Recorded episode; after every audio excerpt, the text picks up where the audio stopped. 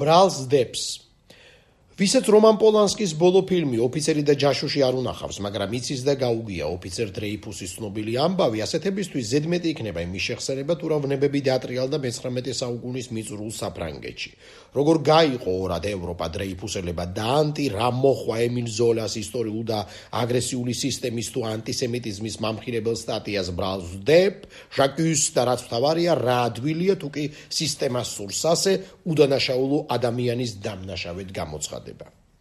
ალფრედ დრეიფუსი მხოლოდ იმის გამო მიიჩნიეს გერმანიის ჯაშუშას, რომ ის ებრაელი იყო, რადგან манипулиრებული მასებისათვის სწორედ მისი ებრაელობა იყო დანაშაულებრივი არგუმენტი და არა რეალური დანაშაული, რომელიც მას არ ჩაუდენია.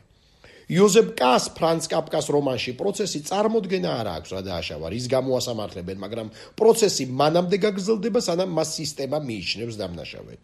იოსებ კა მანამდე იქნება დამნაშავე, სანამ სისტემა მოისურვებს ამას, დანაშაულის არსებობის თუ არარსებობის მიუხედავად. პოლანსკის ფილმი საუკუნის წინანდელ გახმაურებულ ამბავს მოგვითხრობს, მაგრამ დრეიფუსის ისტორია მეტისმეტად უხერხულ და აქტუალურ პარალელს აჩენს უშუალოდ ჩვენს ქართულ რეალობასთან, სადაც სამწუხაროდ ჩვენ ჩვენი დრეიფუსები ყავს სისტემის ტყვეები, ვიზეთ ჯიუტად გვაჯერებენ რომ დამნაშავეები არიან, რადგან ახლა ასია საჭირო.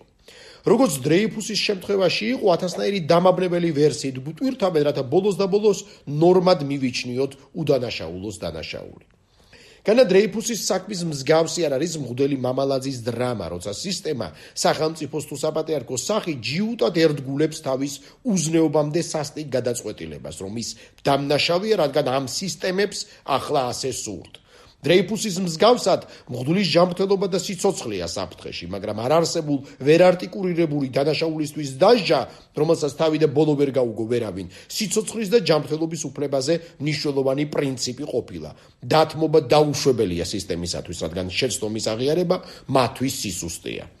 დრეიფუსის საქმის ანალოგიურია ჩვენში აღმოცენებული ახლებური ფენომენი, რომელსაც წინასწარ გამოცხადებული დაჭერების ქრონიკაში გვიძლია ვუწოდოთ, როცა რაღაცნაირი ფატალურ პასიური შემგუებლობით ვმარჩიელობთ, რა რიგითობით დაიჭერენ რომელიმე პოლიტიკოს თუ ვთქვათ ხელისუფლების მიმართ კრიტიკულ ტელედამფუძნებელს. თითქოს წინასწარვე ვეგუებით ამ უსამართლობას იმის მიუხედავად, რომ ვიცით, დრეიფუსის არ იყოს ამ შემთხვევაშიც გადამწყვეტი ფაქტორი, არა ჩადენილი თუ ჩაუდენელი დანაშაული, არამედ სისტემის სურვილია, რომ ისინი დამნაშავეები იყვნენ და პოლიტიკურ თუ საზოგადოებრივ სივრცეს ჩამოშორდნენ.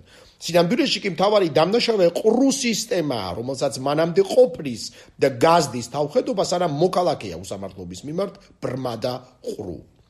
მართალია ემილ ზოლამ ხმამაღალი გაბედულებით ამხილა სისტემის სისასტიკე და თითქმის თქოს ანაქრონიზმად ქცეული ანტისემიტიზმი, მაგრამ ბრბომ მაინც ზოლა აქცია სიძულვილის ობიექტად და არა ის პრობლემა, რასაც მწერალი მიუთითებდა. და იმის მაგრად რომ პრობლემა დაენახა და მისი არსებობა ეღიარებინა, სიმართლის თქმელი შეიცულა.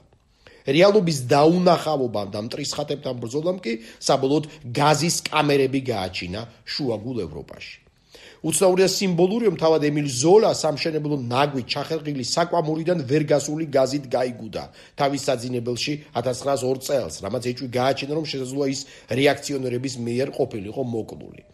მაგრამ ბრბოს უბედურებაც ხომ ისა რომ ტყუა მართალის გარჩევის უნარობისა და აგრესიულობის გარდა ან სწორედ ამიტომ ის გამაოგნებელი ენით აღუწერელი სიბრიყვით ხასიათდება ამიტომ თუ კი ჩვენი დღევანდელი რეალობა არაფრით ჩამოგავს გასული საუკუნის დასაწყის ან ღმერთთან უკნა საშინელ 30-იან 40-იან წლებს, მსგავსებას უდავოდ შევნიშნავთ დრეიფუსის დაჟით კმაყოფილ პასიურ თუ მყირალა დეგენერატებთან.